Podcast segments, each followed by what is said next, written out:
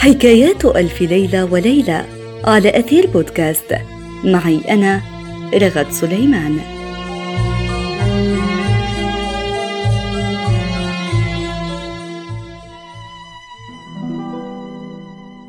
مرحبا بكم في حكايات ألف ليلة وليلة. لنكمل الآن حكاية التاجر مع العفريت تابعونا.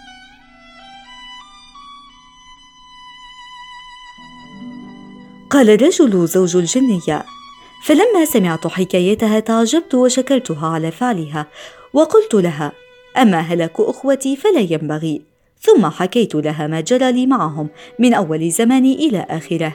فلما سمعت كلامي قالت أنا في هذه الليلة أطيل إليهم وأغرق مراكبهم وأهلكهم فقلت لها بالله لا تفعلي فإن صاحب المثل يقول يا محسنا لمن أساءك فالمسيء فعله. وهم أخوتي على كل حال.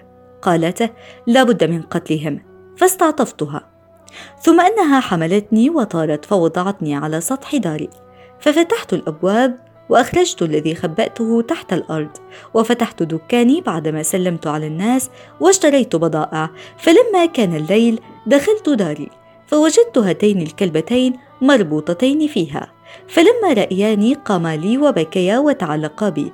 فلم أشعر إلا وزوجتي قالت هؤلاء إخوتك. فقلت من فعل بهم هذا الفعل؟ قالت أنا أرسلت إلى أختي ففعلت بهم ذلك وما يتخلصون إلا بعد عشر سنوات. فجئت وأنا سائل إليها تخلصهم بعد إقامتهم عشر سنوات في هذا الحال؟ فرأيت هذا الفتى فأخبرني بما جرى له. فاردت الا أبرح حتى أنظر ما يجري بينك وبينه وهذه قصتي. قال الجني إنها حكاية عجيبة وقد وهبت لك ثلث دمه في جنايته. فعند ذلك تقدم الشيخ الثالث صاحب البغلة وقال للجنية أنا أحكي لك حكاية أعجب من حكاية الاثنين وتهب لي باقي دمه وجنايته. فقال الجني نعم. فقال الشيخ أيها السلطان ورئيس الجان إن هذه البغلة كانت زوجتي. سافرت وغبت عنها سنة كاملة ثم قضيت سفري وجئت إليها في الليل. فرأيت عبدا أسود راقدا معها في الفراش وهما في كلام وغنج. فلما رأتني عجلت وقامت إلي بكوز فيه ماء فتكلمت عليه ورشتني وقالت أخرج من هذه الصورة إلى صورة كلب. فصرت في الحال كلبا. فطردتني من البيت.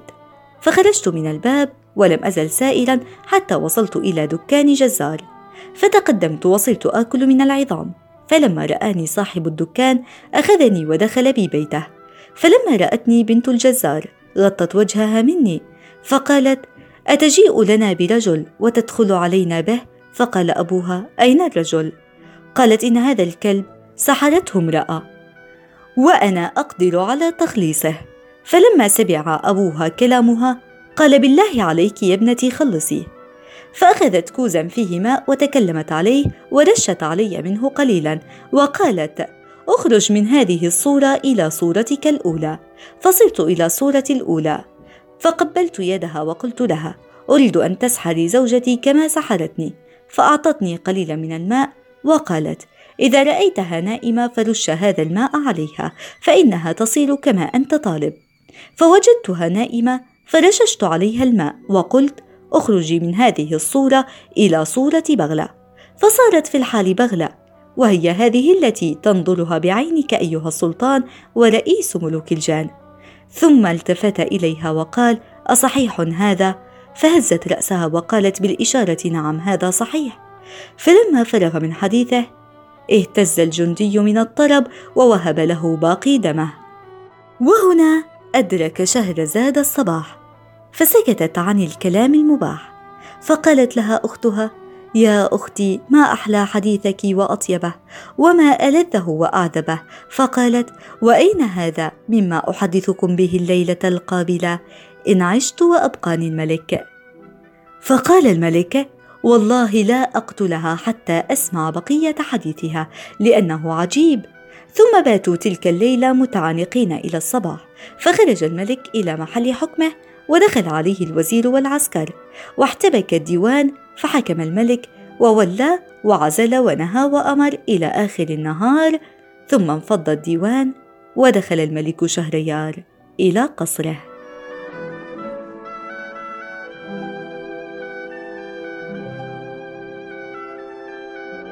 نحن أيضا لا يسعنا الكلام بعد أن أدرك شهرزاد الصباح.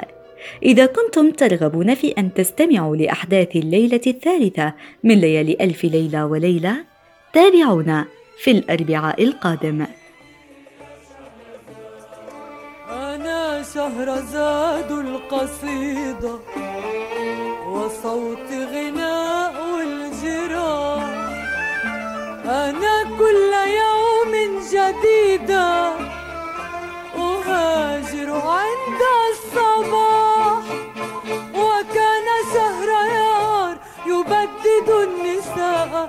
يبدد الأشعار والناس والأسماء. رأيت دموع العذارى سمعت بكاء السنين.